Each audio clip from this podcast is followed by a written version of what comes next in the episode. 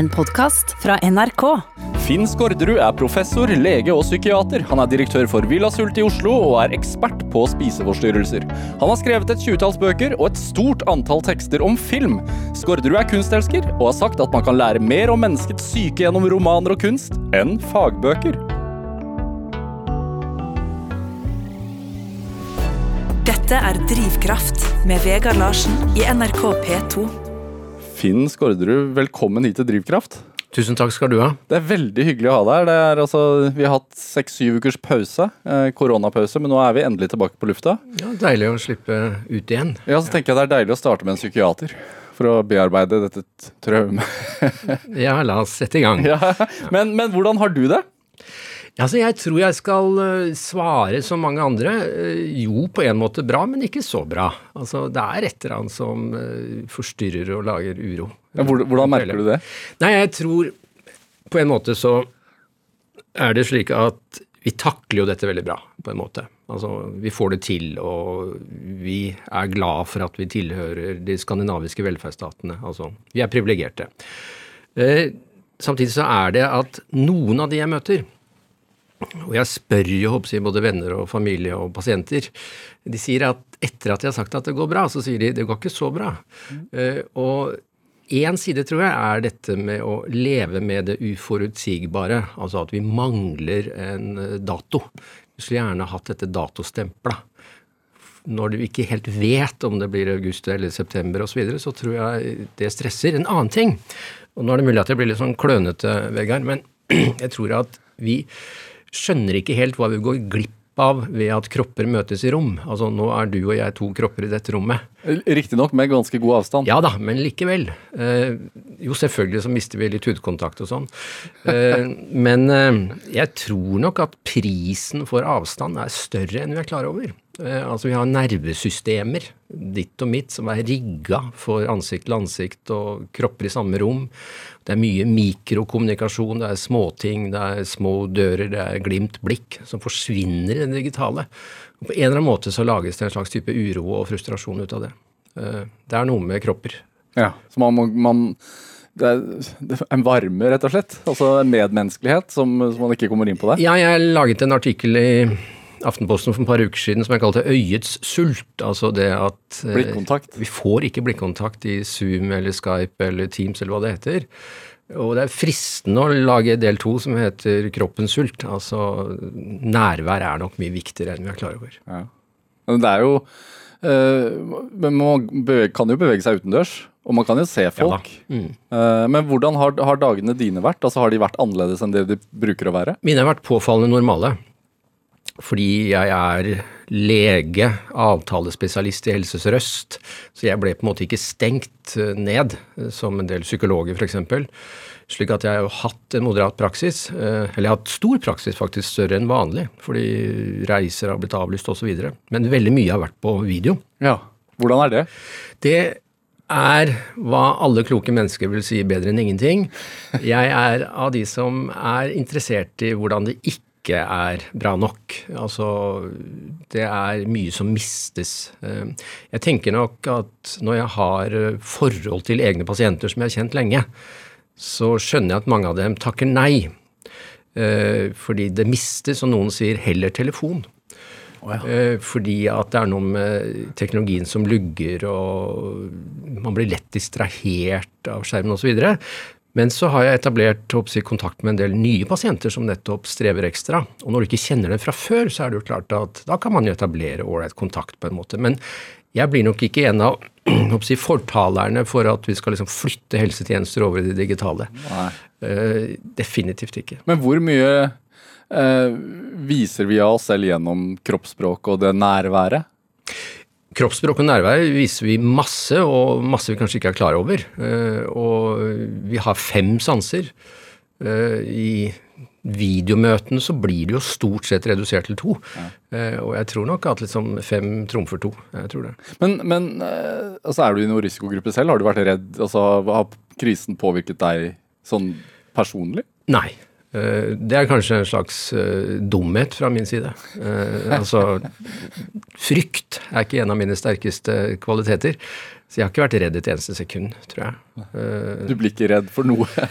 det er tull å si, men det er ikke det jeg først og fremst blir. Så jeg har ikke kjent det selv. Men jeg forholder meg til regler osv. Men jeg har jo møtt en del mennesker som faktisk er vettskremt. Ja. Jeg tenker sånn, Siden du er psykiater og er opptatt av menneskesinnet, blir noe sånt som det vi går gjennom nå, ekstra interessant? Jeg må innrømme det. Altså hvis jeg, nesten før du har spurt, da, ja. Eh, skal si noe om liksom personlige trekk og egenskaper, så vil jeg nok tro nysgjerrigheten min trumfer frykt. Altså Jeg er ganske grunnleggende nysgjerrig av meg, og jeg er kjempeinteressert i si, hva som skjer nå, og hva som skjer med mennesker. Det synes jeg, jeg syns det er litt ekstra interessant, samtidig som jeg ser at veldig mange er ganske plaget av dette her. Ja. Og mange sier sånn Det var greit første uka, det var nesten spennende. Egentlig så er jeg ikke så glad i sosial kontakt. Altså, det er mange den type formuleringer. Men jeg syns at det røyner på mange nå. Og en slags enkel måte å si det på er vel liksom ordet uro. En uh, litt presisere måte å si det på er liksom, det er en del sånn amperhet, sitter jeg og fornemmer her og der. Ja, altså, når, du, når, du, trekker opp ordet uro, så i boka di Uro, så, så skriver du at uh, en grunnleggende uh, motsetning i oss mennesker er liksom behovet for frihet, samtidig behovet for tilknytning. Og, og, jeg tenker jo at den krisen her kan frareve veldig mange begge deler. Definitivt, ja. Helt klart. Uh, og så altså Man mister friheten, man mister muligheten til å møte andre mennesker. altså hva, Over tid, da. Hva, hva gjør det med oss? Nei, jeg tenker nok at uh, vi har kanskje rota oss inn og nå snakker jeg litt sånn språklig og litt sånn idémessig om at vi moderne vestlige mennesker vi er veldig opptatt av sånn type frihet, selvstendighet osv. Så, videre. så jeg tror av og til at vi kamuflerer et uh, ord som er like viktig, som heter avhengighet. Altså vi er mye mer avhengige enn vi kan ha lyst til å tenke på av og til. Uh, og ikke det at avhengigheten trues så mye med, men den blir i hvert fall satt på spill. Ja. Altså Vi blir bedt om å holde avstand, vi skal ses mindre osv. Ja, fordi det, Siden du, du, sier det at vi, vi sier at vi er, er, opptatt av frihet, men jeg merker jo på meg sjæl altså sånn Veldig kjapt så godtok jeg den friheten som ble tatt fra meg. Ja. Uh, fra den ene dagen til den andre så sto jeg i kø på en helt annen måte. Uh, vi isolerte oss hjemme, altså kona mi og barnet mitt og jeg. Vi så ingen andre. Uh, og, og, og, man innordnet seg etter helt nye samfunnsregler og, og tenkte at det var helt greit. Og så samtidig så merket jeg at andres oppførsel provoserte meg veldig ja. ute. Og at lunta var mye kortere enn vanlig. Uh, kunne nærmest bli irritert over at folk jeg passerte langs Akerselva da vi gikk tur, pratet for høyt. Ikke prat høyt, det er koronakrise. Uh, er, det, er det en normal reaksjon? Ja, men Det er litt fristende å si at det er en normal reaksjon. Ja. altså amperheten. Samtidig så tror jeg nettopp at uh, nå kan vi liksom være veldig glad for at vi lever der vi lever. Ja. Seierstad hadde en artikkel i Viken-avisen i weekenden om liksom vi privilegerte. Eh, fordi vi har jo Altså, staten har jo null makt hvis ikke vi samarbeider. Altså, Staten er helt avhengig av at vi gjør som staten sier, og akkurat nå gjør de fleste av oss sånn som staten sier. Det er litt andre forhold i USA f.eks., hvor folk ikke respekterer det som blir gjort. Eh, så jeg tror nettopp at vi er vel kanskje mer opptatt av liksom å få til dette sammen, enn at vi på død og liv skal demonstrere en eller annen frihet. Er du, er du overrasket over hvor raskt vi innordnet oss som samfunn? Nei, jeg er ikke det. Nei? Uh, det er noe med Uten å romantisere håper jeg, vår kultur, da, så får vi nok til et vi. Det fins en skotsk eller britisk professor i sosialpsykologi, som jeg da i disse videotider skrev til her en dagen, så jeg satt og videopratet med han. Han var med på en studie for noen år siden. Det er publisert i en artikkel. Dette er et VR-prosjekt. Vi skal skissere det veldig kort. Eh, de lager en VR-film, og så gir de en masse mennesker disse VR-kameraene. Og på den VR-filmen så står de på en togperrong. Eh, og så får de vite at de har vært og sett på det engelske landslaget spille fotballkamp. Eh, så alle som er der, er på en måte fotballsupportere. Og så begynner det å brenne i den VR-filmen. Og så ser de på hvordan disse folka reagerer. Jo, de reagerer med å hjelpe hverandre og prøve å finne den riktige utgangen osv. Så, videre. Så gjør de en tilsvarende studie, eh, men da får de beskjedene Folk som er på perrongen, beskjed om at de ikke er fotballsupportere, men de har vært på shopping og vært på jakt etter billigste tilbud. Ja. Så der er det en gjeng med shoppere. Eh, og så begynner det å brenne, og da stormer de mot utgangen og gir blaffen i andre. altså, enkelt fortalt, enkel moral, ja. får man til et vi, ja. eller blir det bare et jeg? Ja. Eh, og på én måte så tror jeg nok at liksom disse skandinaviske samfunnene våre nå får til veldig mye vi, og derfor sørger Vegard Larsen for å tilpasse seg ganske fort. Ja. Men det, kan det også, denne fellesskapsfølelsen, kan det gjøre at det kanskje ikke er så ensomt? På en eller annen måte så tror jeg nok at vi har et slags kollektivt vi, og alt dette handler jo om det som samfunnsforskere og andre hele tiden snakker om. altså Det finnes jo en del tillit i vår kultur. Uh, og da er det liksom ikke bare tillit til hvem, altså jeg har tillit til deg, men tillit til også et slags hva. Altså tillit til statsapparatet, til Bent Høie og Camilla Stoltenberg og Erna Solberg. Altså, vi klarer nok mer enn andre et hva, og da tåler vi en del ting også. Og så samarbeider vi rimelig bra også. Så vil vi gjerne at lederne våre skal være litt strenge. Jeg, jeg merker i hvert fall det at jeg har det behovet. Sånn, fortell meg heller hva jeg skal gjøre. Ikke, ikke vær vag. Ja, frihet er nok et ord som sikkert er mer problematisk. Altså, vi ser jo at mennesker driver jo ikke så veldig mye frihet i hverdagen, de driver jo mest med rutiner. Ja. Så det er et viktig ord, men jeg tror det er et veldig sånn komplekst og sammensatt fenomen. Vi vil nok liksom ha forutsigbarhet også. Ja. Og dette handler om barn og voksne. altså Trygge voksne er jo forutsigbare voksne som kanskje setter grenser, og ikke sånn tillater alt. Så det er egentlig sånn eh, Det vi har vært gjennom nå, er sånn et, et snev av gir oss et snev av forståelse av hvorfor folk syns det er greit å leve i et diktatur, f.eks.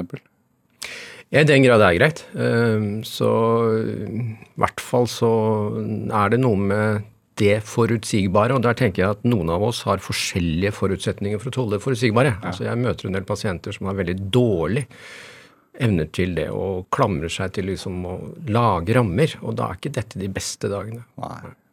Vi, eh, vi, skal ikke snakke om korona hele dette programmet, men, men altså sånn øh, Hvordan tror du altså Det jo, blir jo bare spekulasjon, selvfølgelig, men hvordan tror du at dette her kommer til å påvirke oss som mennesker og samfunnet sånn i lengden? Tror du vi kommer til å bli påvirket av det? Folk snakker jo hele tiden om sånn Ja, snart skal vi tilbake til det normale. Men det normale er jo en ting som hele tiden er i endring. Det normale i dag var ikke det som var normalt for 30 år siden, f.eks. Altså, hvordan tror du vi kommer til å bli påvirket? Nei, altså la meg prøve å ikke lyde jeg, pessimistisk, da. For det er klart at det er veldig mange nå som snakker om at liksom, her åpner det seg et vindu eh, for endring.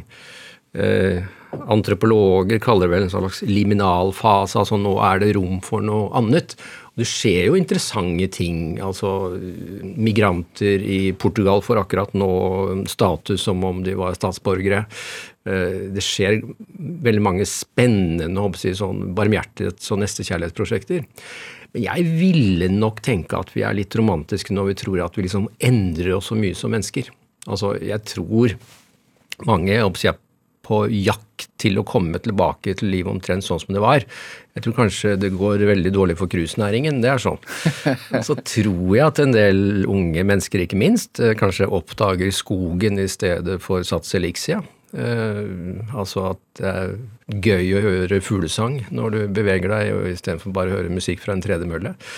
Men jeg tror nok ikke at det blir den store, store endringen. Og jeg tror av og til folk overdriver endringer. Altså liksom USA etter 9-11, Norge etter 22. juli. Ja, vi lever jo stort sett de samme livene. Ja. Jeg opplever jo f.eks. å jobbe en del med mennesker som er i sorg. Altså de har mista en kjær, de kan ha mista et barn, de kan ha mista et barn i selvmord.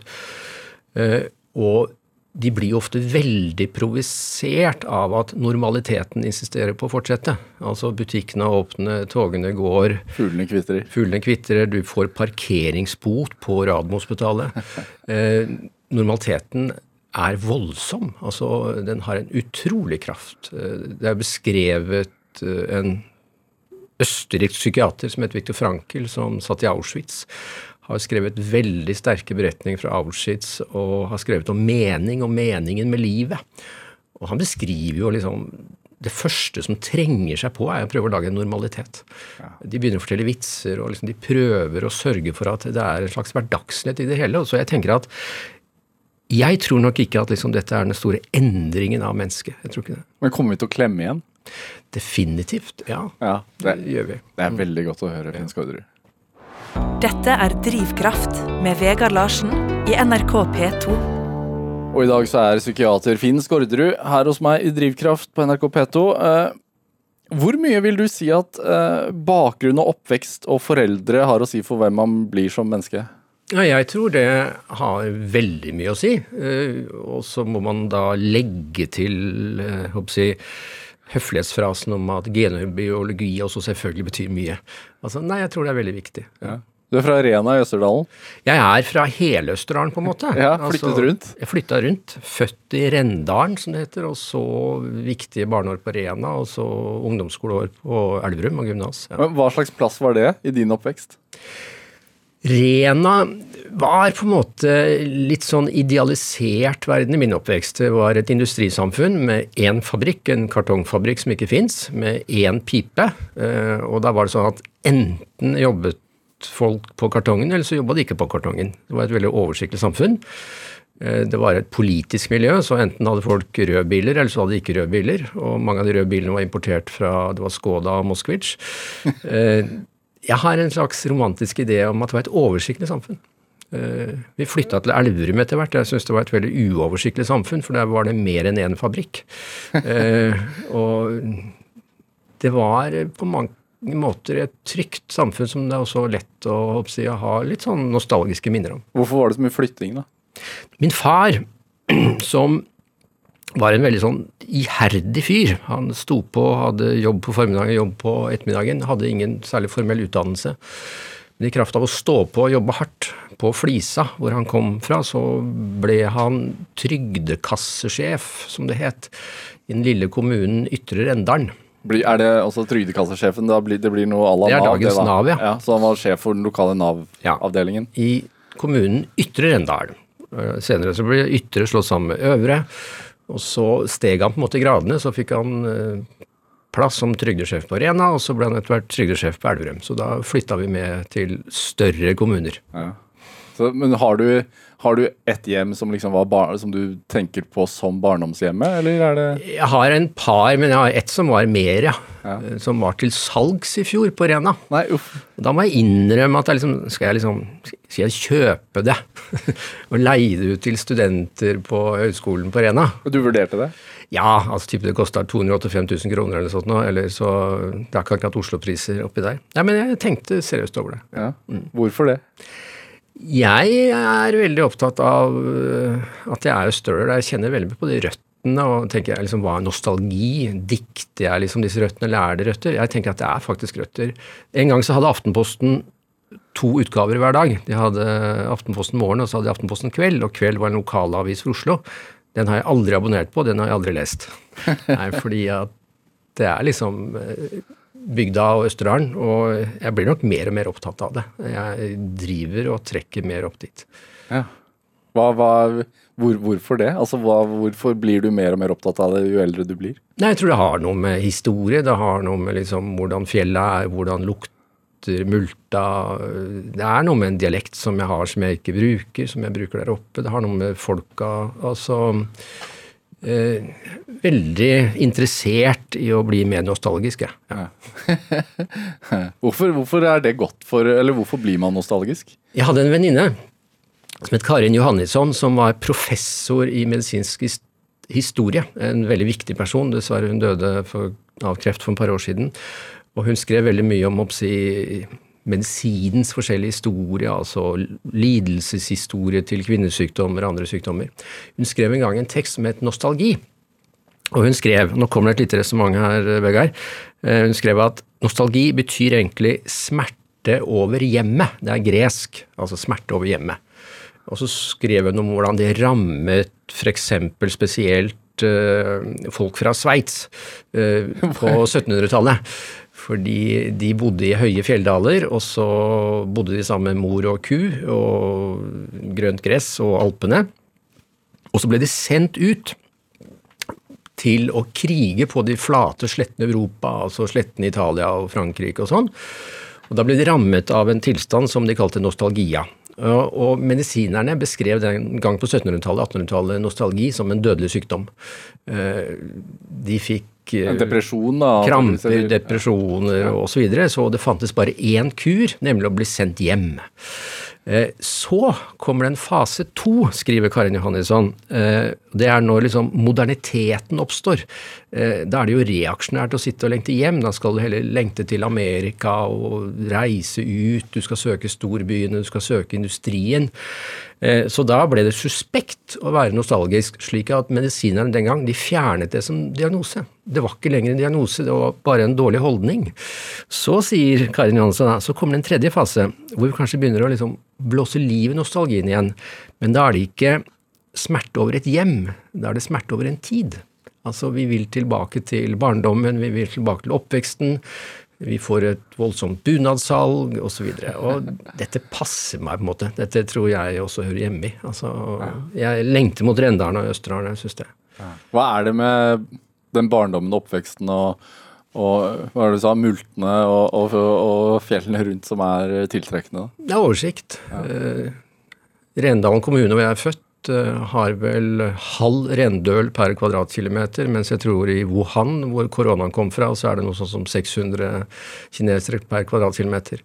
Enkelt, oversiktlig, forutsigbart. eh, Et eller annet sånt. Selvfølgelig natur. Natur er nok viktigere og viktigere for meg, jeg håper si, dag for dag, nesten. Men det er jo, altså det, Finn Skårderud, du, altså, du slår meg jo som en, som en intellektuell, som en som leser, som en som er glad i det urbane, kul, kunsten, kulturen.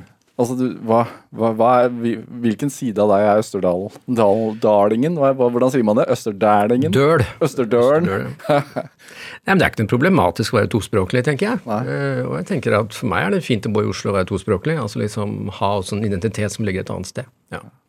Uh, faren din uh, jobbet veldig mye, sa du. Uh, moren din var syk. ja.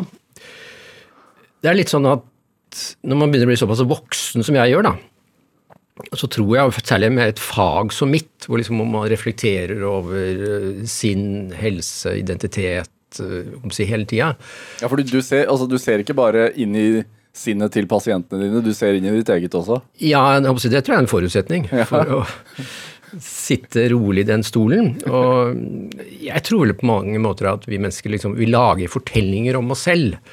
Og de fortellingene kan jo være mer eller mindre gode eller dårlige, men jeg har for lengst på en måte laget en par fortellinger om meg selv. Det betyr jo også hvorfor ble jeg psykiater. Ja, hvorfor ble du psykiater? Nei, altså dette er en grov fortelling.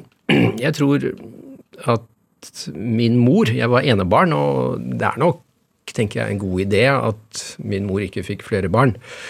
Eh, hun strevde med det som het nerver. eh, i de Den gang? Den gang, i de 50 årene jeg kjente henne. Ja. Altså, Hun hadde nok nerver før jeg ble født, og hun hadde nerver den dagen hun døde. Så jeg har liksom levd 50 år med en dame som hadde nerver, og i dag vil du kalle det angst, depresjon, drama. Det ble mye drama av og til. Type jul og 17. mai og sånn, så var det alltid et drama. Hvordan, hvordan da? Nei Dramatisk, hysterisk, fortvila, rasende, redd osv. Så, videre. Så på et eller annet vis jeg kan nesten sånn huske, og det er ikke noe komplisert for meg å jeg, være såpass uh, privat og personlig, for liksom dette har jeg trening på. Jeg syns det er i og for seg et, poeng å kunne være litt sånn privat rundt dette. Uh, jeg husker nok en eller annen gang at vi krangla en del, husker jeg. Så husker jeg at jeg tenkte at jeg er mest voksen av oss to her, så nå er det opp til meg om vi slutter å krangle. Oi. Ja, Hvor det- gammel var du da? Nei, jeg husker kjøkkeninventaret, så jeg var nok syv eller åtte år, og fordi det var et hus vi bodde i.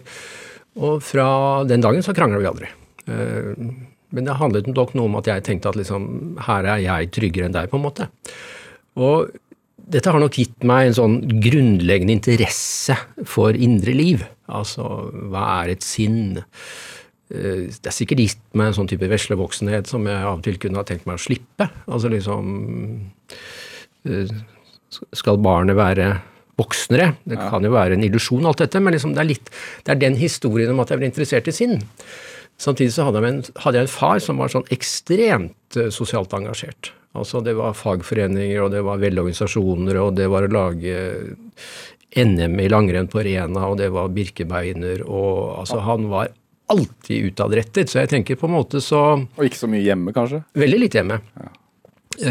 Så tenker jeg liksom Han pekte utover, og mora mi pekte innover. Eh, Og på en måte Den fortellingen driver jeg også med, da. Altså jeg er veldig interessert i sinn og innover, og så er jeg veldig interessert i å utover. Blir man ofte det? En del av sin mor og en del av sin far? Ja, på én måte så tenker jeg at vi arver jo alle litt uunngåelig. Altså, vi har jo håper folk som sier at oi, nå begynner jeg å kjenne igjen trekk fra mora mi eller trekk fra far sin. Eh, Jeg tenker jo av og til at vi har alle en sosial arv.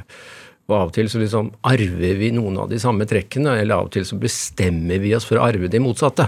Altså, jeg skal ikke bli sånn som dem, men på en måte så er man jo da også en som på en måte arver, ved å gå i den motsatte retning. Altså, jeg tror nok at fra jeg begynte å studere medisin en gang på 70-tallet i Oslo, eh, til i dag, så er det en faglig tradisjon som har blitt ekstremt viktig i betydning solid. Altså vi kan virkelig dokumentere at slik er det. Og det er den tradisjonen vi kaller tilknytning. Altså hele tilknytningsforskningen. Hvor vi opererer med kategorier som trygg, utrygg. Altså dette vet vi har stor betydning. Men du, du altså, spekulasjon fra min side, da, selvfølgelig, men når jeg hører at, at det var oppveksten din, at du husker det fra du var syv år, da er du jo veldig ung, du er jo et barn. Altså, når man er barn og har eh, en foreldre som, som er psykisk syk, altså, føler, føler man skyldfølelse, og spør man seg selv hvorfor det er, er som det er, eller? Nei, jeg tror aldri jeg har følt noe skyldfølelse. Det var liksom sånn åpenbart at min mor strevde med mangt. Eh, Men jeg tror kanskje det har trigget en type ansvarsfølelse. Og jeg tror Ble flinkere enn du burde være? Ja, altså uh, Jeg skrev jo denne boka 'Uro' i 1998. Og det er jo flere kapitler der som handler om det såkalte flinke barnet. Altså, det er fint å være flink, men det er alltid en sånn pris ved å være flink når man er barn, for kanskje skulle man få lov til å være barn. Altså, jeg har lekt mye og er barnslig så det suser, men altså Kjørt motorsykkel i voksen alder, hoppet Ja, seg blant annet, så du har le lekt i voksen alder. og- Ja, nei, og er nok ganske leken eh, fortsatt, men altså Jeg tror nok liksom flinkhet kommer med en pris av og til, da. Gjør det. Hvilken pris da? Kanskje litt sånn type ensomhet. eh, Type mistillit til en del systemer. Altså, nå kommer jeg fra Østerdalen, og der er det eh, ikke så mye Gud. Eh, altså, ateismen er ganske sterk. Men liksom ideen om å kunne stole på en gud syns jeg virker veldig underlig. altså liksom det å stole på ting. altså Man stoler kanskje mest på seg selv, da. På et eller annet vis. Og det er ålreit, men det kan bli litt sånn ensomt. Det kan bli litt stusslig. Ja, For du har det sånn nå også? Dypest sett så tenker jeg liksom selvfølgelig, altså Jeg har ikke stor mistillit til mennesker nær meg. Jeg stoler veldig mye på de som er nær meg. Eh, Men liksom, og, men jeg tror nok at, liksom, jeg tror at mennesket står ganske alene på en måte også. Ja. Det er litt trist. Ja, altså, Du spurte meg om frykt. Nei, frykt kjenner jeg ikke så mye til. Men liksom, hvis det er noe som skulle ligge tettere på, så er det kanskje en sånn viss hang til melankoli. Altså liksom kjenne på det melankolske. Det, det vet jeg en del om. Og det er ikke så farlig, men altså mm, Det er ikke alltid like behagelig. Det er det ikke. Eh, du sier at det kanskje var en av grunnene til at du eh, har valgt den retningen du har, altså menneskesinnet. Men du har jo spesialisert deg. altså Du har blitt en ekspert på spiseforstyrrelser. Hvorfor det? Jo, det tror jeg, altså Dels er jo det et spørsmål jeg har fått ganske mange ganger. Eh, Jeg stiller det igjen. ja, så jeg har et innlært svar. Ikke ta det innlærte. Nei, men eh, sagt Ta, ta sannheten, Skårderud. Ja, nei, sannheten er at eh, jeg studerte medisin på 70-80-tallet. Jeg har alltid vært interessert i samfunnet, i kultur. Plutselig så fikk vi et nytt fenomen i vår vestlige kultur som het spiseforstyrrelser og anoreksi, som ingen skjønte hva var for noe.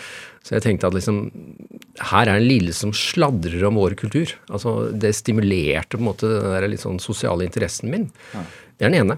Eh, Den andre var at jeg fant vel igjen noen litt sånn flinke barn blant disse. Altså, tenker at Noe av psykologien hos disse eh, er kanskje til å skjønne. Det tredje var jo at jeg tenker at mange av dem ble møtt på ikke så bra vis i helsevesenet. Altså, jeg syns mange av dem ble liksom avskjært med manglende interesse og manglende forståelse og litt sånn kantete behandling. Kan du ikke bare spise da? Behandling? kan ikke bare spise, ja. Så jeg tror nok det stimulerte meg. Jeg jobber jo med mye annet òg, men altså, jeg har jo hatt det som et spor nå i 35 år. Og føler jo fortsatt at det er et interessant spor, for det er jo mange som blir provosert av at de ikke skjønner spiseforstyrrelser. Dermed så er det fortsatt slik at noen ikke får så god behandling, syns jeg. Ja, ja, senest eh, ved, med, med Margit Olin sin, sin film 'Selvportrett'. Altså, det skapte jo en debatt igjen. Det skapte en debatt. eh, Det skildrer jo, skildrer filmen Margit Olins film skildrer jo en person som eh, Det blir sagt noe om det i filmen, og så hadde noen veldig gode møter med en lege. Og så sies det noe om en dårlig møter. Altså, I den historien fins det jo både gode og dårlige. Kan du, altså Når man spesialiserer seg eh, sånn og, og møter pasient på pasient, holdt jeg på å si, eh, kan, kan du bli lei? Kan du liksom miste motet selv? Eh, man kan helt sikkert bli lei, men jeg tror kanskje det handler litt om måten man jobber på. Altså, jeg har valgt å jobbe mye litt sånn langtidspreget, som det heter. da. Altså, jeg møter ofte folk over måneder, over år. Og da blir jo ethvert menneske helt unikt. Er det, utga altså, er det utgangspunktet for, for hver pasient? Altså, du, du tenker sånn dette, Nå skal vi holde på i et år, minst? I praksis tenker ofte jeg sånn, fordi at jeg vet litt om lidelsesformen. Ja. Det er fristende å si at spiseforstyrrelser eh, hos mange, da, særlig hvis de er litt voksne, så er det på en måte en veldig sånn sterk del av en personlighet, og liksom du knipser ikke vekk den på fire samtaler. Eh, sagt på en annen måte, det er mange gutter og jenter som er 13-14-15-16 år, som håper jeg, er borti fenomenet, og så går det fort over. Eh, men det er ofte en del av hele din identitet, så derfor blir det ofte et langtidsprosjekt. Og jeg har skaffet meg stort sett rammer for å kunne jobbe over tid, og da blir jo personer unike. Men det er klart at eh, man må liksom friske på med jeg si, sin egen vitalitet, og det gjør vi jo ved å skaffe oss gode kolleger, ved å snakke sammen, drive med veiledning, drive med undervisning. altså hvis man bare sitter i et sånn én-til-én-rom veldig lenge, så tror jeg også man kan jo risikere å bli drenert. Men eh, da må vi gjøre noe med det. Ja. Er man, er man nødt til å tenke at lidelsene man skal behandle, er interessante? For å ha, gjøre det såpass i lang tid? Jeg tenker at hvis du investerer deg selv som behandler, så blir nesten alt interessant. Ja. Eh, For å spissformulere på en tåpelig måte, da. Eh, Det er noen mennesker du av og til møter som er vanskelig å like. Eh, Og det er veldig viktig at en terapeut liker folk. Eh, Da går det nesten an å like et menneske fordi ingen andre liker det. Jeg tror det er veldig viktig at du jobber med din motivasjon for at det er meningsfullt å være i det rommet. Ja.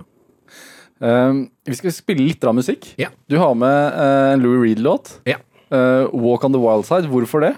Nei, Hvis jeg skulle liksom hente frem noe som har vært viktigst for meg, så er kanskje liksom Lou Reed har vært liksom min store følgesvenn i mange år. Og i disse koronatider så har jeg henta han tilbake. Så nå har jeg hørt mye Lou Reed i påsketider. Ja, hva, hva gjør det med altså, hvorfor, hvorfor nettopp den Nei, låten? han er en stor kunstner, han er en stor poet. Uh, han var et spennende menneske i et kjempespennende miljø i New York. eh, jeg har hatt gleden og privilegiet til å intervjue en del mennesker. Jeg er veldig lei meg for at jeg ikke rakk intervjue han før han døde av kreft. Ja. Ja, ok, Her er eh, altså Lou Reed og 'Walk on the Wild Side'.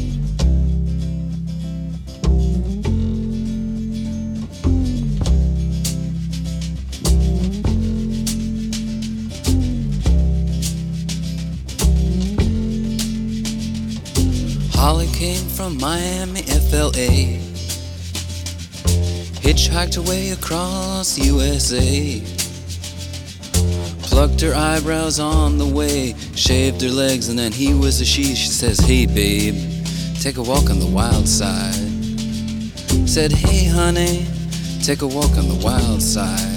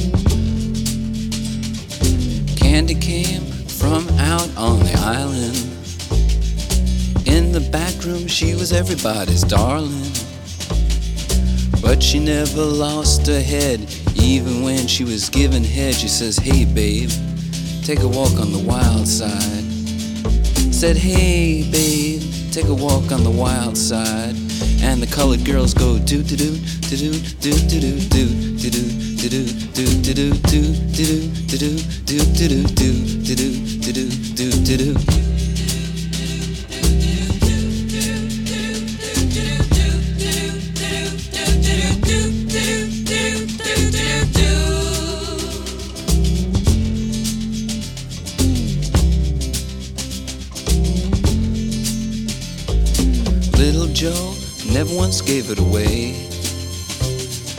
Everybody had to pay and pay. A hustle here and a hustle there. New York City is the place where they said, Hey babe, take a walk on the wild side. I said, Hey Joe, take a walk on the wild side.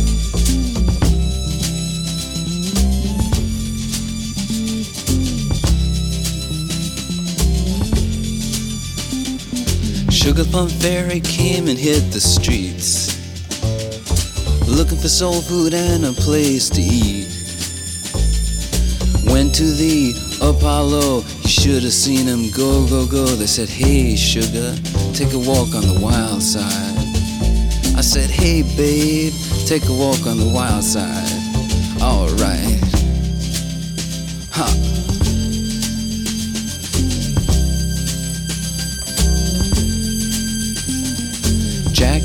Just speeding away. Thought she was James Dean for a day. Then I guess she had to crash. Valium would have helped that patch. I said, Hey, babe, take a walk on the wild side. I said, Hey, honey, take a walk on the wild side. And the colored girls say, Do do do do do do do do do do do do do do do do do do do do do do do do do do do do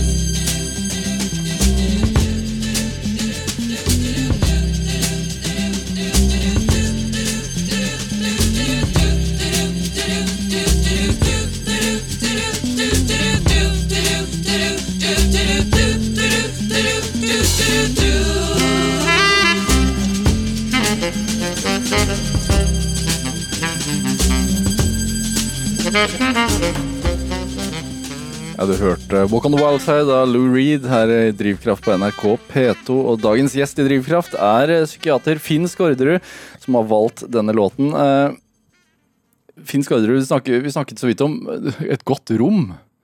Eh, hvor viktig er rommet eh, for pasienter, og, og altså rommet du inviterer pasienter inn i? Jeg tenker at det er viktig. Altså, Man skal ikke overdrive det og gjøre det jålete. Men eh, jeg har jo håper jeg, hatt anledning som privatpraktiserende til å håper innrede mine egne rom, behandlingsrom. Så tenker jeg liksom eh, Det skal være fint å komme dit ved at man føler at her er det noen som tross alt bryr seg om noe.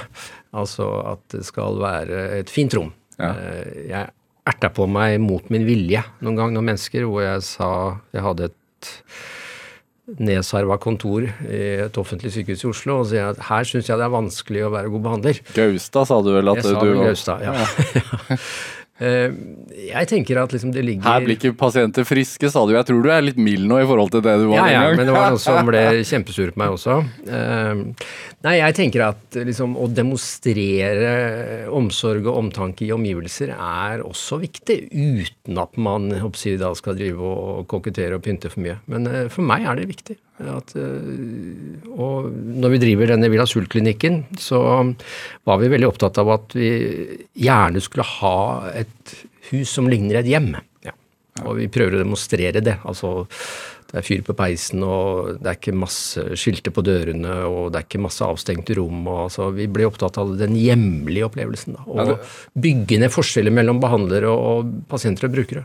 Ja, for Villa Sult, eh, som, som du var med å etablere i 2014, eh, er et institutt for Ja. både terapi, men også forskning og formidling. Ja. Men også kulturformidling. Ja, altså det er noe av det vi vil drive en del med, vil drive mer med. øh, Og det er jo sånn, sånn at akkurat i disse koronatider så tenkte jeg at uh, kanskje vi skal invitere til noen samtaler der som vi kan begynne å streame. altså formidlingen er også en veldig viktig bit av det. Ja. Ja. Jeg, jeg var en gang på kontoret ditt eh, på Majorstua, der Ja. du hadde eh, privatkontor tidligere. Eh, lagde en TV-reportasje med deg der en gang. Men, så jeg vet jo hvordan det kontoret så ut. Hvordan ser kontoret ditt ut i dag? Kan Nei, du beskrive det? er enda hyggeligere. Det er enda hyggeligere. Nei, altså, sleip som jeg er, så har jeg tatt det største kontoret. Du er direktør, da. Ja.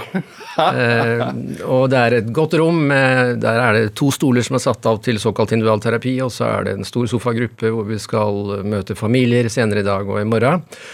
Eh, og så er det sånn at da vi flytta inn i Villa Sult, så var det også et galleri i Oslo som heter Galleri Ris, som sa at da kan vi begynne å pynte veggene deres. Så de har hengt opp mye kunst, eh, og så har vi liksom tematisert forskjellige rom med forskjellige kunstnere og sånne ting. Så jeg syns av og til det er en fryd å komme inn i villaen eh, og tenke at nå har vi det fint der. Er det mer kunst der enn hjemme hos deg selv? Eh, ikke per vegg, kanskje, men eh, det er mye. Fordi det er et eh, hus på 1000 kvadratmeter nesten. Ja. Mm. Ja. Hjemme hos deg selv, mener du? Nei. Nei, i villaen. Ja. Mm. Men nei, jeg husker eh, veggene dine fra, fra Majorstua, der du hadde kontor tidligere. Da hang det blant annet, blant annet eh, et eh, bilde av en, en baby i fritt fall, eller spedbarn i fritt fall. Ja. Og også en sånn eh, stort maleri som var delt i to, hvor den ene fargen var hvit og den andre var svart. Ganske sånn lett å lese, kanskje, hvis man tenker sånn menneskelig syke. Men, ja. men altså, hva Ønsker du å si noe med kunsten du har på veggene på kontoret ditt? Det, det, det, var ikke akkurat, altså, det var ikke lystig kunst. Nei, bortsett fra at det er øh, Anthony Gormley du snakker om. Ja. Eh, Anthony Gormley er en veldig viktig britisk kunstner. Først og fremst skulptør. Han øh, gjorde jo jeg, en av Norges største kunstutstillinger for en del år siden, da han fylte hele Solastrand med ca. 100 havmenn. Eh, Det fins syv stoler utenfor Akershus festning i dag, som er eh, stoler som er Anthony Gormleys monument over eh, jødene som ble sendt ut. En viktig kunstner. Ja, lystig og lystig. eh, Fint, syns jeg. Men eh, jeg har en par ganger vært forsiktig med bilder hvis de blir for ekspressive, hvis de blir for uttrykksfulle, for smertefulle. Så selvfølgelig jeg tenker over det. Ja. Men det er et eller annet uten at du har spurt, da. Eh, Her er det rom for sånt. ja. Ja. Så tenker jeg, hvis vi tenker litt sånn filosofisk eh, liksom, I beste fall, hva er god kunst? Altså, Jeg er ikke interessert i kunst i kraft av kunsthistorie osv. Jeg er interessert i kunst hvis det treffer meg, altså treffer meg personlig. Så tenker jeg i beste fall så er det en person som uh, søker å gi noe en form, da. Altså om det er en skjønnlitterær forfatter eller om det er en bildende kunstner. Noe i meg får en form, altså om det være en novelle eller om det er en, et maleri. Og så i beste fall så treffer det meg. Uh, og så tenker jeg at jeg kjenner meg igjen, eller jeg føler meg møtt. Uh, altså form møter form, det er kunst på sitt beste. Det, noe, det må vekke noe i deg, rett og slett. Ja, for meg er det ikke interessant hvis det ikke gjør det. Og I beste fall så er jo samtaleterapi det samme, da. Uh, Sånn som jeg driver med. Altså en pasient snakker med seg selv hele tiden og sier stort sett de samme tingene om igjen og kommer seg ikke av gårde. Og så Istedenfor å ha monologer med seg selv, så lager vi dialoger. Altså Vi forsøker å finne et annet språk sammen, finne en form. Eh, få en ny form. Vi er to om det. Eh, to tenker bedre enn én. Så jeg tenker at Det er veldig mange ting vi mennesker driver med som ligner. Eh, jeg er litt sånn mot å mystifisere psykoterapi. Eh, jeg tror det viktigste er at liksom, vi er to som prøver å få til noe sammen, og begge er interessert. Ja. det tenker jeg er poenget. Det er ikke knepene, det er ikke triksene, og det er ikke de fikse ideene. Nei, vi er to som vil eh, noe, som ønsker noe. Og så investerer jeg min interesse og nysgjerrighet. Altså, jeg viser deg at jeg er interessert i deg. Men når man har den posisjonen, eh, som man jo har som psykiater eh, eller psykolog, eh, at det kommer mennesker til deg og søker råd eh, Kan man bli forfengelig av det? Kan man liksom, må, man, må man være litt sånn Gå i seg selv noen ganger og, og reflektere rundt posisjonen sin? Det tror jeg man skal reflektere over hele tiden. Fordi at eh, oppsi, grunnleggende da, psykoterapi, eh, individualterapi som det heter, altså én til én, Da er det jo gjerne én som kommer med mye lidelse til en annen som eh, tar betalt. Eh, den ene er forventet å være helt åpent, psykologen eller psykiateren er forventet ikke å være åpen. Altså Det er en maktrelasjon. Man skal hele tiden reflektere over makt og avmakt. i dette her, Så det tror jeg er en etisk liksom, ekstremt nødvendig side av det. Ja. Om man blir liksom forfengelig eller sånt, det er jeg kanskje ikke så opptatt av. Men man kan bli lat. Ok, ok, hvordan da? Nei, men hvis man oppsi taper genuin interessen for den enkelte, ja. og begynner å, liksom, å kjøre kverna si om igjen og om igjen så, nok, som, nok, en, nok, en, pasient? Ja, sånn som en del eh, malere bare maler det samme bildet. Uh, så liksom, tap av nysgjerrighet tror jeg kanskje er det mest alvorlige. Ja. Har du kjent på det noen gang? Hvis jeg mister nysgjerrighet overfor en konkret person, så tenker jeg at da plukker jeg noe opp dette mennesket driver med, som nettopp er å ha mista nysgjerrigheten selv. Altså, men da får man bruke den type opplevelser til noe. Altså hvorfor taper jeg nysgjerrigheten nå? Kanskje dette mennesket bare snakker omkring fenomenet, ikke er ærlig. Eh, kanskje gjør de det med meg nå som de gjør med andre, som gjør at de blir ensomme. Altså Det gjelder hele tiden å skru på denne nysgjerrighetsmaskina. Og jeg tenker at noe av det viktigste vi terapeuter gjør, det er å bruke egne følelsesmessige reaksjoner. Altså blir jeg irritert, blir jeg trøtt, bli engasjert, altså bruke det. Det tenker jeg er veldig viktig. Mm. Tilbake til det gode rommet. altså jeg tenker på, uh, Siden vi er midt oppi en, en, en koronakrise og, og, folk er mye hjemme, uh, tenker du at det kan ha påvirkning på folks syke også? Hvordan man har det hjemme? Jeg ville tro at en del mennesker rydder litt ekstra i dag. jeg ville tro det. Vi har en del fantastiske romaner i Norge. Eh, Nina Lykke laget jo en eh, roman for noen år siden som het noe med nei. Som handler om en kvinne som får problemer med mannen sin. Som, nei og atter nei. Nei og atter nei. Og hun begynner å rydde. Fjerne. Ja. Eh, jeg tror det er veldig mye logikk i å rydde på ytre plan når det er rot på indre plan. Jeg tror nok at vi blir litt sånn preget at hvis det er mye rot i omgivelsene, så blir vi rotet i hodet, og jeg tror vi prøver å ordne.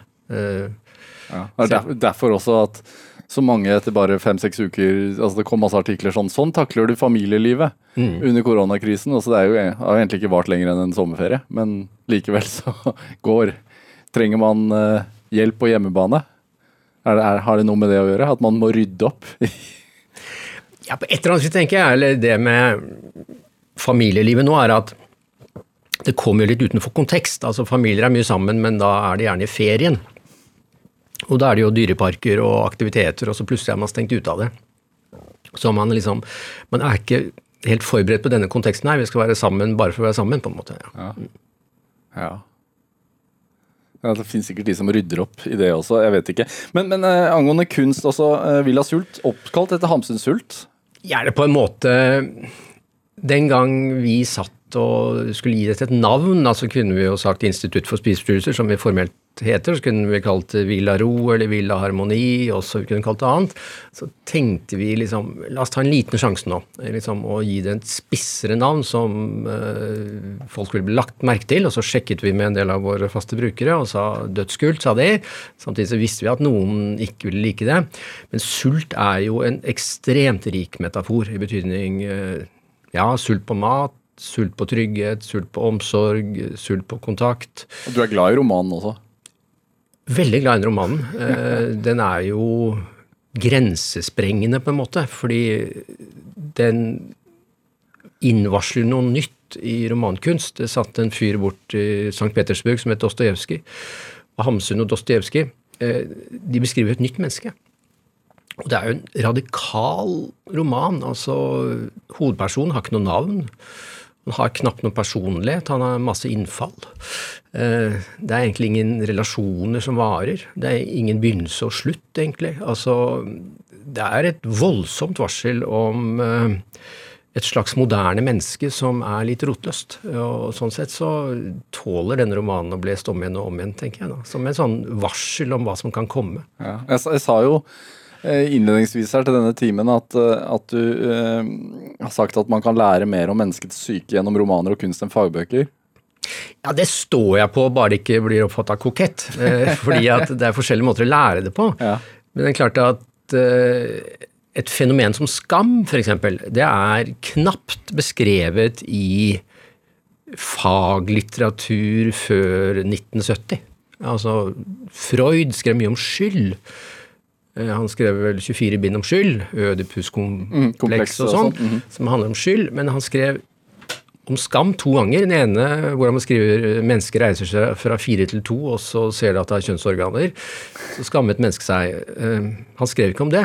Eh, Shakespeare har skrevet om skam. Altså at eh, det er sånn at svært mye av stor kunst og litteratur har beskrevet alt menneskelig for lenge siden. Og der kommer vi også ofte på en sånn underside av det. Det er ikke faglitteratur opp mot skjønnlitteratur, men det å liksom lese skjønnlitteratur kan eh, gi veldig veldig gode beskrivelser av følelsesmessige tilstander. Altså kafkask, sier vi. Eh, Det er mange jeg håper si, adjektiver som kan vokse ut av at vi har lest tekster om folk som vet noe om følelsesmessige tilstander. Hender det at du bruker det i, i terapien også, eller? Ja, men jeg er veldig forsiktig, for at altså det vil nok være en myte at liksom, hvis man skal gå til Finn Skårderud, så må man liksom diskutere bøker og Ja, vi- kunst. Nei, ja, vi, det, Vite hvem Gormley er? nei slett ikke. Nei, snarere at jeg eh, underkommuniserer sånt, fordi jeg tenker at hvis en bok er viktig for meg, og jeg ber en pasient lese en bok, så kan det være at det var en helt ubrukelig bok for han eller henne, og da har jeg bare laget et konfliktmateriale. Nei, jeg er nok mye mer forsiktig med den type fenomener ja. enn man kunne tro, gitt at jeg demonstrerer så mye interesse i det. Ja. Men hvorfor er du så opptatt av det, da? Altså, Jeg sitter og tenker litt at um, Jeg håper å si litt privat personlig igjen, da, men altså Jeg hadde en opplevelse på gymnaset hvor på en måte jeg som en del andre hadde en norsklærer som jeg følte gjorde en stor forskjell for meg. Og han var en fantastisk norsklærer, for vi var en gutteklasse, og jeg tror at han fikk de fleste gutter i den gutteklassa til å føle at han var litt spesielt interessert i akkurat den ene. Så vi var, liksom, vi var en gjeng som eh, begynte å lese romaner. Vi drev jo og leste Morgan Kane og var opptatt av å trimme motorsykler og sånn. Det var det vi drev med. Og så leste jeg Bjørneboe Jonas, sant, som jeg ikke tør å lese om igjen, for jeg tenker at den er kanskje litt gymnasial i dag. Så jeg følte på en måte at jeg oppdaget en helt ny verden. Um, og har hatt voldsom glede av det etterpå. Uh, og så har man oppdaget romaner, så kan man oppdage film, og det har jeg jo dels gjort litt sammen med deg. ikke sant? Altså Vi fungerte som filmkritikere. altså jeg tenker at den der estetiske verden, den har så mye å fortelle oss, fordi at det er noen flinke folk der som er gode på å gi form til personlige erfaringer. hjemmet ditt i Østerdalen, var det masse bokhyller der? Der var det ikke noe særlig bokhyller, nei. Jeg kommer fra et ganske bokløst hjem, sånn sett. Det var vel noen handelsreisende som solgte Gyldendals konversasjonsleksikon. Så det er jeg vokst opp med. Ellers det var ikke et boklig hjem, det var det ikke. Så det var en, en sult du kanskje ikke visste at du hadde, som du oppdaget, og så har den bare Du blir ikke mett? Jeg har en voldsom begeistring for liksom å møte type litteratur, type teater, type film, type kunst. Jeg blir veldig begeistra av det. Jeg Ja. har veldig mye glede av det. Er det samtalepartner for deg? I en viss grad, ja. ja. Absolutt. Hvem hvem er det som er favorittsamtalepartneren? er, det, er det Fellini som du har skrevet bok om? Det, Ja, Fellini ble jo en stor sak, fordi at eh, det er jo litt sånn Jeg ble bedt om å skrive en bok om Fellini, ergo så alt man setter seg inn i, blir man jo litt ekstra glad i. Så klart at er en, Fellini er jo vitalitet, ikke sant. Altså, det er ikke noe skumlere enn å ikke føle seg vital, og Fellini er vitalitet. Han selv pendlet jo mellom vitalitet og melankoli. Det er Fellini som skrev 'Ferie er straff'. Og der kan jeg kjenne meg litt igjen. altså liksom Det å være vital og være engasjert syns jeg er veldig viktig. Du liker ikke ferie? Jo da, hvis det er vitale ferier. eh, nei, og så akkurat nå så mm, sitter jeg og leser en ny novelle av Sara Stridsberg, som er en fantastisk svensk eh, forfatter. Eh, som skriver om veldig smertefulle fenomener, men på si, poetiske og estetiske veldig vakre former. Altså, jeg graver nok ned mot noen smertepunkter. Eh, Jeg driver liksom ikke så mye med underholdningslitteratur, og det må folk gjerne gjøre, men altså jeg søker nok en sånn type dypt alvor. Ja. Jeg gjør det. Også i, i kunsten din, skjønner jeg, som Ja. du har på veggene. Ja. Du liker at det er Jeg vet kanskje det er feil uttrykk, men det virker som at du liker at det har vært litt lidelse. At man har kjent på noe Ja, ekte, bare ekte vi ikke følelser. romantiserer det igjen, da. Altså liksom fordi at, eh, men poenget, og dette tror jeg er litt sånn viktig, det er noen som bruker ordet estetisere feil. Ja. Altså vi estetiserer lidelsen. Ja, for du har fått litt kritikk for det. Ja, men da er jeg helt uenig. eh, Fordi at eh, det betyr at, ikke at vi forskjønner lidelsen. Det betyr at noen har kanskje klart å få fatt i noe ved lidelse, og så gitt det et uttrykk. Ergo vi kan komme videre. Det er kanskje noe av det viktige. Altså, det finnes jo fantastiske kunstnere som bare si, maler på overskudd. I Norge så har vi en som heter Olav Kristoffer Jensen, som bor i Berlin. Han tror jeg våkner glad hver eneste morgen og tenker hva vakkert kan jeg lage i dag? Og det er jo fantastisk kunst. Uh, Galleri Riis har hengt en del av det opp i villaen vår, og det er nydelig. Andre klarer jo nettopp å gi uttrykk til noe som ikke er bra, slik at vi kan komme videre. Og Det tenker jeg det er en viktig kvalitet dette her. da. Hvordan våkner du av morgenen? da? Jeg er vel av de som tenker at morgenene er den dårligste tiden eh, i mitt liv. Det er apropos film. eh, Bergman laget en film som het Verktimen, Ulvetimen. Jeg syns det er fint å komme opp og liksom riste bekymringen ned i føttene og så komme seg ut i dagen. Jeg syns Kvelder er mye bedre, syns jeg. Ja. Mm. Men jeg liker jo å være i aktivitet og drive med ting, og jeg føler meg ekstremt privilegert som har det yrket jeg har. Ja. Ja. Hva er du bekymret for, Finn Skodderud? Nei, det er jeg litt usikker på. Jeg tror ikke jeg er bekymra for noe spesielt utover liksom de daglige tingene. Vi skal jo drive en hel klinikk, og vi skal Ja, men det er ikke spesielt Jeg har ikke noen generalbekymringer. Nei. Siden denne timen nærmer seg mot slutten, og dette programmet heter Drivkraft, så må jeg stille deg det spørsmålet også. Hva er, hva er drivkraften din? Jeg har nok en drivkraft eh, i å Jeg har nok en drivkraft som handler om det å være doktor. Altså, jeg liker å være doktor. eh, og skal ikke liksom gjøre det finere enn deg, men jeg syns det er meningsfullt å prøve å hjelpe folk. Så har jeg nok en drivkraft i å formidle. Jeg liker å prøve å skrive ting slik at mora mi hadde skjønt det. Finn Skårderud, tusen takk for at du kom hit til Drivkraft. Eh, produsent i dag var eh, Kjartan Aarsand. Eh, jeg heter Vegard Larsen, og Drivkraft er tilbake i morgen. Ha det bra. Du har hørt en podkast fra NRK. Hør flere podkaster og din NRK-kanal i appen NRK Radio.